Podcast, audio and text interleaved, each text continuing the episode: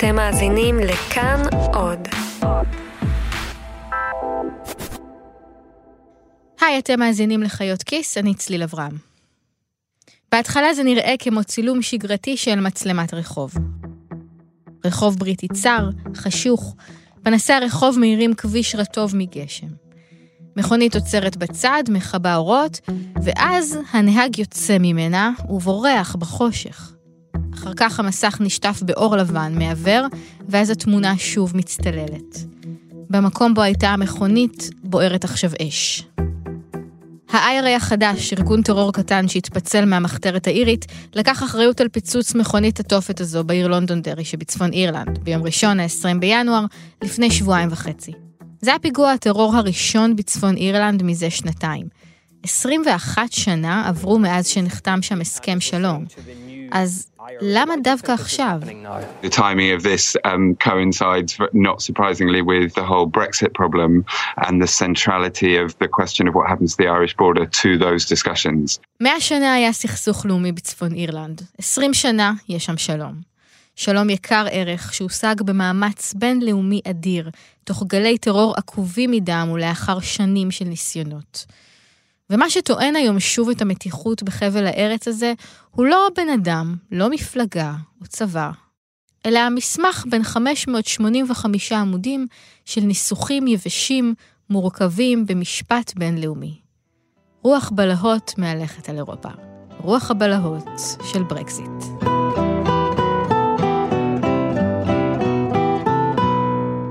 אז השבוע בחיות כיס, פרישת הממלכה המאוחדת מהאיחוד האירופי, או בשם הקיצור שלה, ברקסיט. Britain Exit from the European Union. זה סיפור בן 50 שנה של מאבק בין לאומיות וכסף. 50 שנה שלאורכן אילוצים כלכליים הכריעו פעם אחר פעם את הזהות הלאומית, עד שבסופו של דבר הרגשות הלאומיים התפרצו בבת אחת. וזה קרה במקום היחיד שבו לא ניתן ליישב את הסתירה בשום תעלול דיפלומטי. וזה סיפור על פרישה שתקועה בלימבו משפטי וכלכלי, שאין לו תקדים, אין לו פרוטוקול, ומאות אנשים בבריסל ובלונדון מנסים כרגע לפתור אותו, ואף אחד לא יודע איך. איך בריטניה הגיעה למצב הזה? No! No! No! מה הקשר בין הברקסיט לאירלנד? ומה בדיוק אומרת ה buzzword הזאת? Backstop. backstop. השיח כולה מתקדם למילה חדשה שקוראים לה Backstop. backstop של ה-backstop. וגם, איך הכל נמצא כרגע על הכתפיים של אישה אחת. But that cannot be the end of the story. תריזה מיי בעצם הצליחה להפוך סיוט למציאות. ואז אולי נבין איך הבריטים נקלעו לגירושים הכי מסובכים בעולם. ולחברי קבוצת חיות כיס שביקשו פרק על ברקסיט, אין לכם מושג למה הכנסתם את עצמכם.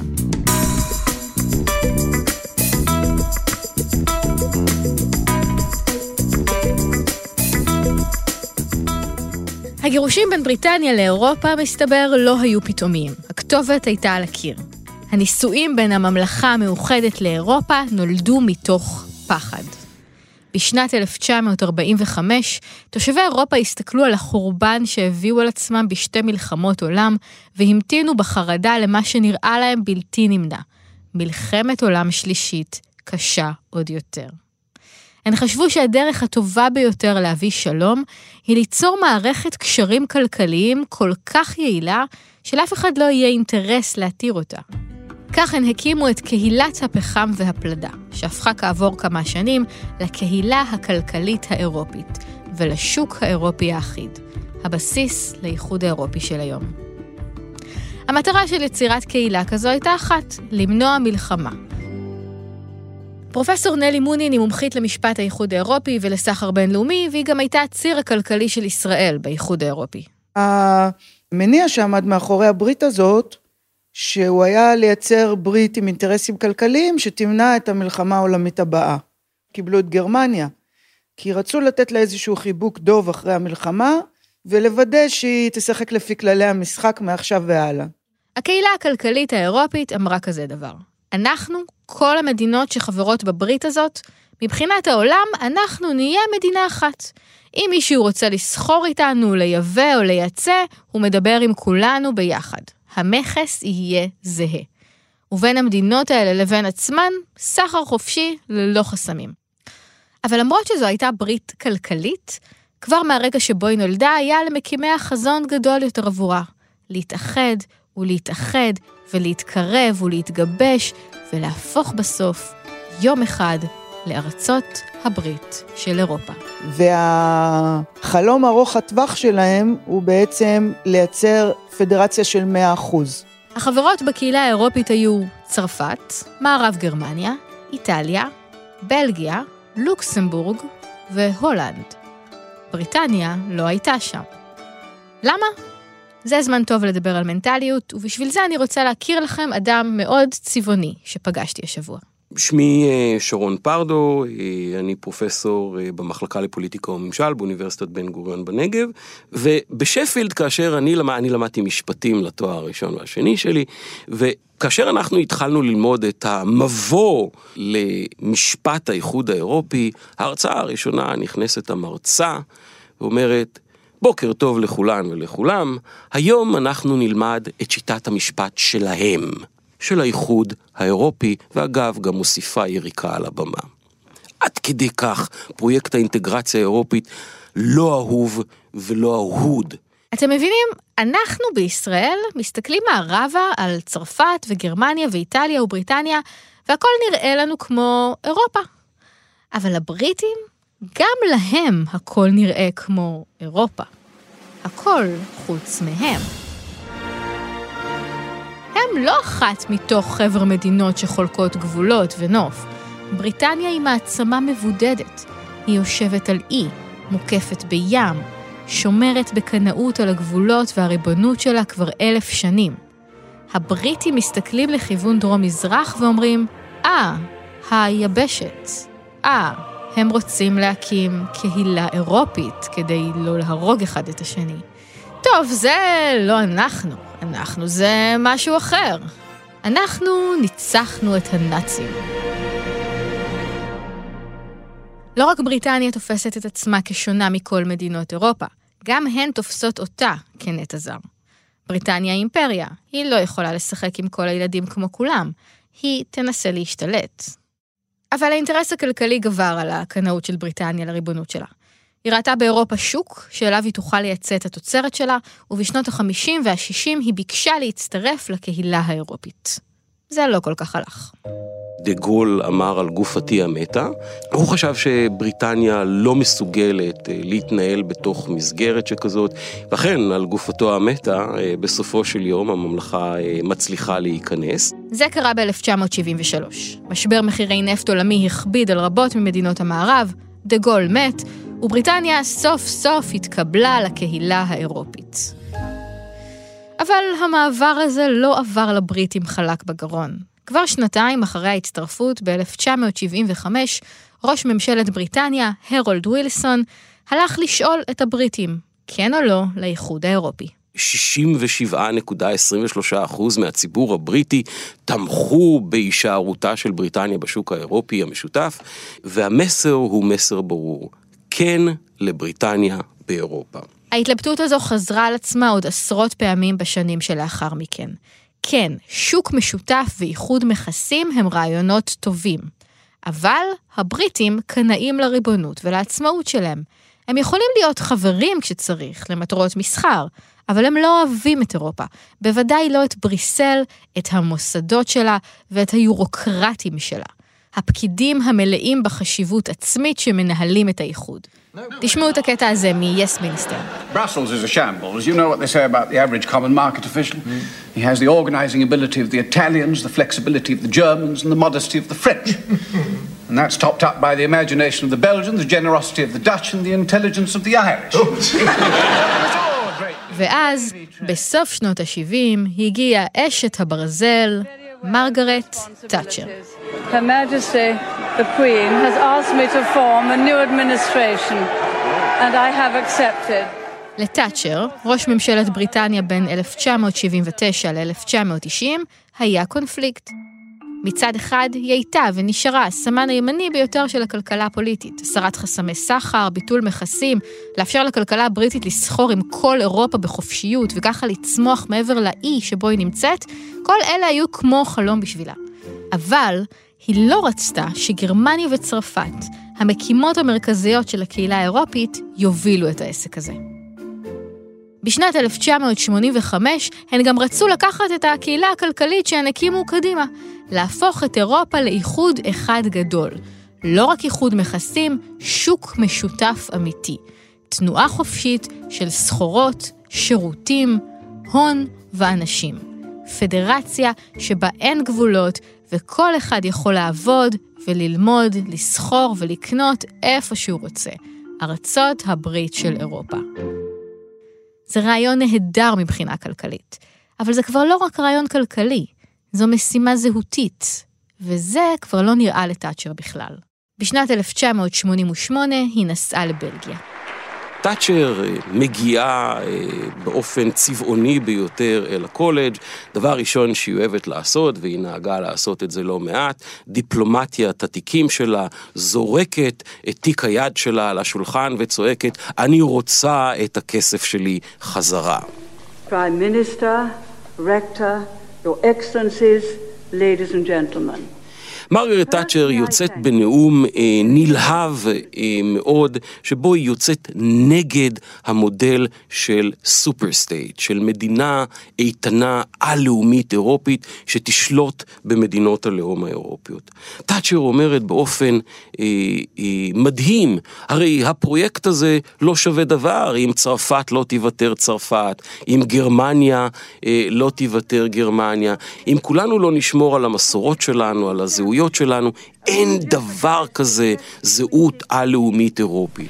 Europe will be stronger precisely because it has France as France, Spain as Spain, Britain as Britain, each with its own customs, traditions and identity. בנאום מפורסם אחר שנשא תאצ'ר באותה תקופה בפרלמנט הבריטי, היא הבהירה שהעקרונות החדשים והמתקדמים של השוק האירופי האחיד, מטבע משותף, הנהגה משותפת, מעבר חופשי של אנשים ושל הון, הם מבחינתה חציית קו אדום. לזה היא אומרת... No, no, no. הריב על כמה אחיד יהיה השוק האירופי האחיד נמשך עוד כמה שנים. בשנות ה-90, ממשיכה של תאצ'ר, ג'ון מייג'ר, מצא פתרון. הוא ממציא מונח שאחר כך יכה בפרויקט האינטגרציה האירופית, ויותר מכך, יכה בממלכה המאוחדת עד זוב דם. הלא הוא רעיון הפטורים. פרויקט האינטגרציה האירופית רוצה להעמיק אינטגרציה בתחומים מסוימים, בבקשה, העמיקו את פרויקט האינטגרציה האירופית, המדינות שרוצות לעשות זאת, לא בריטניה. בריטניה תקבל את מה שמוגדר באנגלית ה-opt-out, סעיפי הפטור, כלומר, אתם יכולים להעמיק אינטגרציה בסוגיות של מרחב מטבע משותף, אני לא כאן. אתם רוצים להעמיק אינטגרציה בסוגיות של ביטול גבולות? בבקשה. רווחה חברתית? בבקשה, בריטניה תקבל הפטור.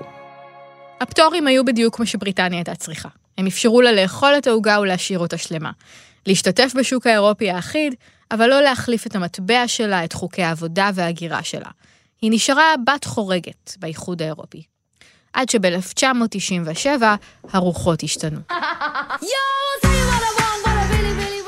שנות ה-90 היו עידן של פריחה כלכלית, וראש הממשלה מהניו לייבור, טוני בלר, עשה לבריטניה מיתוג מחדש.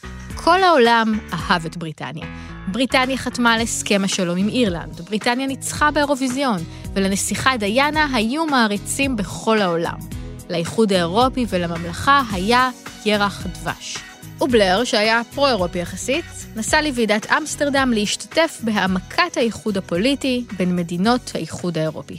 וכחלק מה mingling של אה, ראשי המדינות, באמסטרדם התנהג כהולנדי, ראשי המדינות רוכבים להם על אופניים ומתחילה תחרות קטנה בין ראשי המדינות, מרוץ אופניים. בלר אה, מספר שהוא מיד הבין שהלמוט קול לא בתמונה, אה, בגלל גודלו הפיזי, הוא גם היה אה, מאוד לא אהב את רעיון מרוץ האופניים. הלמוט קול היה אז קאנצלר גרמניה. טוני בלר לוקח ברצינות את מרוץ האופניים ומנצח בו. התקשורת הבריטית יוצאת מגדרה, טוני בלר מנהיג את פרויקט האינטגרציה האירופית. השאלה האמיתית היא האם בלר אכן היה מנהיג פרויקט האינטגרציה האירופית, ואני חושב שהתשובה היא אחת וההיסטוריה קבעה, טוני בלר ללא כל ספק בסופו של דבר לא הנהיג את פרויקט האינטגרציה האירופית. ירח הדבש הזה הסתיים תוך כמה שנים.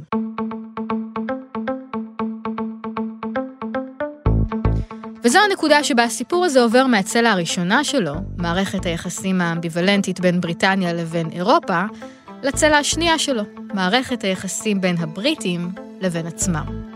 וזה הזמן גם להכיר מפלגת שוליים בריטית קטנה, פופוליסטית, מעוטת מצביעים, שתשנה את מהלך ההיסטוריה. ה-UKIP, United Kingdom Independence Party. מפלגה שתהיה לה מטרה אחת בלבד. המטרה היא משאל עם, האם על הממלכה המאוחדת לחבור אל מטבע האירו, אל המטבע האחיד, וגם תוכל לשאול את עצמה שאלה נוספת לגבי הישארותה של הממלכה בפרויקט האינטגרציה האירופית. והמייסד של המפלגה הזו, אדם בשם ג'יימס גולדסמית, היה מאוד ברור לגבי המטרה שלו. הוא אומר, למפלגה שלי יש זכות קיום ל-30 ימים. נקום, לאחר 30 ימים יתקיים משאל עם, ונפרק את המפלגה מיד לאחר משאל העם. היוקיפ קמה בשנת 1993, והיא נשארה שולית במשך הרבה מאוד שנים. בשנת 1997 היא קיבלה 0.3% מקולות הבוחרים. בבחירות 2001 היא קיבלה 1.5% מהקולות. ב-2005, 2% מהקולות. ב-2010, 3% מהקולות. וב-2015, 12.6% מהקולות. למה? כי בריטניה של 2015 היא כבר ממש אבל ממש לא בריטניה של 1997. ההבטחה הכלכלית של האיחוד האירופי, שכולם יצמחו יחד והכל יהיה נהדר וכולנו נחיה בשלום עולמי, ההבטחה הזו התחילה להכזיב עם תחילת שנות האלפיים. ב-2004 האיחוד האירופי הרחיב את גבולותיו עוד יותר וצירף לשורותיו עוד תשע מדינות מזרח אירופיות. שלושה מיליון תושבי האיחוד היגרו לבריטניה כדי לעבוד בה. זה היה בסדר, בריטניה הייתה זקוקה לידיים עובדות, בעיקר בעבודות כפיים בשכר נמוך. היא אפשרה למהגרים להיכנס, למרות שאם היא הייתה רוצה, היא יכלה להשתמש בפטורים שקיבלה ולהגביל את הכניסה שלהם. אבל אז הכל התרסק. אחרי המשבר הכלכלי של 2008, האבטלה בבריטניה נסקה, הבורסות קרסו. הממשלה הבריטית התחילה לקדם תוכניות צנע כלכליות, לקצץ את התקציב ולהטיל גזרות על הציבור. לבריטים לא הייתה עבודה, מצב הרוח הלאומי שלהם היה על הפנים. זהו כמעט מתכון אה, לכוחות פופוליסטיים שישלטו ברמה. הדבר המעניין הוא שאדם אחד ידע להיכנס לשיח הרדוד והפופוליסטי הזה, וזהו נייג'ל פאראג'. נייג'ל פאראג' הוא זה שמוביל את היוקיפ להישג של 12% מהקולות ב-2012. אני רוצה להשמיע לכם את הנאום הזה של פראג' כי הוא פשוט נאום מדהים, שמנהיגים בכל העולם ככל הנראה צפו בו ולמדו ממנו היטב את יסודות ההסתה האפקטיבית. משבר הדיור בבריטניה, הוא אומר, מחמיר בגלל הצורך לבנות בתים למהגרים. מערכת הבריאות עמוסה במהגרות שמגיעות ללדת. מערכת החינוך הולכת ונעשית צפופה בגלל הילדים של המהגרים. בשיא הנאום, פראג' שולף את הדרכון הבריטי שלו. This is a British passport. And what are the first two words on it? European Union. Since the Treaty of Maastricht, we have been citizens of the European Union. And this passport is available to 508 million people. ואז מגיעות ההבטחות. מחוץ לשוק האירופי המשותף הוא מבטיח, מצבנו יהיה טוב יותר, האוכל יהיה זול יותר, שירותי הבריאות שלנו ישתפרו. לא משנה מה יקרה, לאיזה הסכם נגיע, מצבה של בריטניה ישתפר מחוץ לאיחוד. פראז' אפילו מתייחס לתרבות שממנה באים המהגרים. לא לאלה שבאים ממזרח אירופה, אלא למהגרים מאפריקה, ממדינות ערב, או ממדינות כמו טורקיה למשל.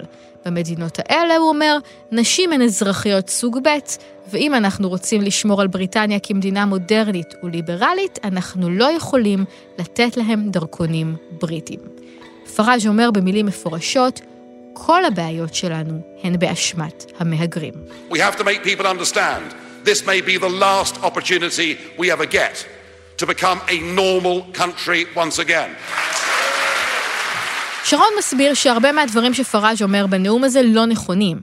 למשל, פראז' מבלבל בין פליטים ממדינות אפריקה ומהמזרח התיכון, שאותם בריטניה לא חייבת לקבל בכלל, לבין תנועה חופשית של אזרחי האיחוד האירופי, פועלים ממזרח אירופה שבריטניה פתחה את שעריה עבורם בגלל הצורך בידיים עובדות, לתעשייה, לתיירות ולחקלאות, ענפים שכבר עכשיו מרגישים בהם בבריטניה מחסור בעובדים.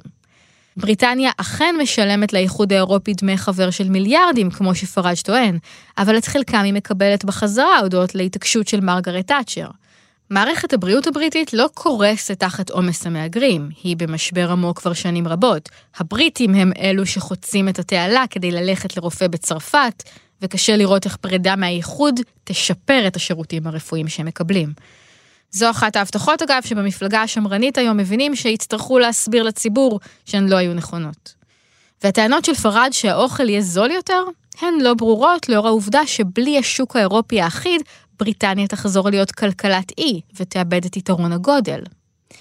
אבל העובדות בשלב הזה כבר לא כל כך משנות. הסיפור תופס. This is the heart of Hampshire. And after London, it's the capital of British Poland too. Polish beer, Polish sausage, Polish baby food. Across the road, you can get a Polish haircut. This is the very heart of Polish Southampton. The new motto for Britain is Welcome to Poland. הטבלואידים הבריטים נכנסים לשיח האירוסקפטי מהר מאוד, מרגישים שבעצם הפוליטיקאים הבריטים רימו אותם, שפרויקט האינטגרציה האירופית כל כולו מנסה לגזול את הריבונות הבריטית ומנסה לפגוע בממלכה המאוחדת ובמעמדה הכלכלי האיתן, ובעצם הטבלואידים הבריטים מפיצים מיליוני שקרים במהלך 45 שנות יחסי בריטניה והאיחוד האירופי. ב-2013 ראש ממשלת בריטניה, דיוויד קמרון, מחליט לסיים עם הסיפור הזה אחת ולתמיד. במקום לנהל ויכוח אינסופי עם היורוסקפטים, הוא אומר, בואו נעשה את זה. בואו נקיים משאל עם על ההישארות באיחוד האירופי. למעשה, דיוויד קמרון מאבד עשתונות, והוא היה בטוח שהוא לוקח בהליכה את משאל העם על הברקזיט. לקי הוא שמי השני, אני אנצח כפי שניצחתי בעבר. הוא טעה. ב-23 ביוני 2016 הציבור הבריטי הצביע ליב. כך נשמעו שידורי ה-BBC באותו יום. Well, at 20 minutes to 5, we can now say the decision taken in 1975 by this country to join the common market has been reversed by this referendum uh, to leave the EU. We are absolutely clear now that there is no way that the Remain side can win. The British people have spoken, and the answer is we're out. התגובה הראשונה בבריטניה הייתה הלם, בעיקר הלם של צעירים שכעסו שמבוגרים שונאי זרים שרפו עבורם את הגשרים לחיים של צעירים באיחוד האירופי, סגרו בפניהם את האפשרות לעבוד וללמוד בכל מקום. בהפגנה בלונדון כמה מהם הניפו שלטים, אתם גונבים מאיתנו את העתיד שלנו.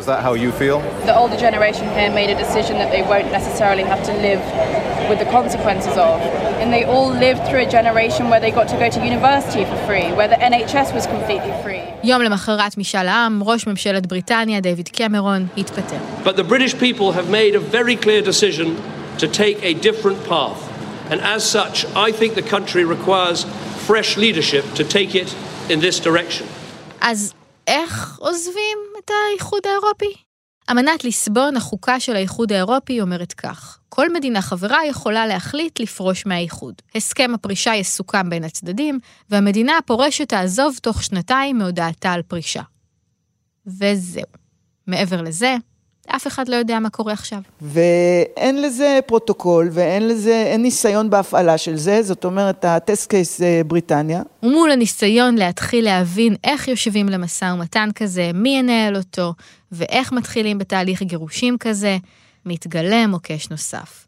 כי אחת הבעיות הכי גדולות של בריטניה, בניגוד לאיך שהיא רואה את עצמה, היא לא באמת אי. בריטניה, בדמיון של הציבור, ככה מכרו לציבור, אין שום בעיה להתנתק מאירופה. כי אין להם כביכול גבול יבשתי עם אירופה, הם אי. אבל יש להם גבול יבשתי עם אירופה. וזה גם מראה עד כמה ברקסיט היה עניין חובבני ופופוליסטי. פוליטיקאים שונים מכרו את הברקסיט ואמרו לא יש שום בעיות לעשות את זה. בלי לקלוט בכלל שצפון אירלנד היא מוקש עצום. צפון אירלנד היא המקום בו האינטרס הכלכלי והאינטרס הלאומי כבר לא יכולים לחיות ביחד. היא המקום שבו צריך לבחור. והיא המקום שבו הכל עלול להתפוצץ. ועל זה בחלק הבא.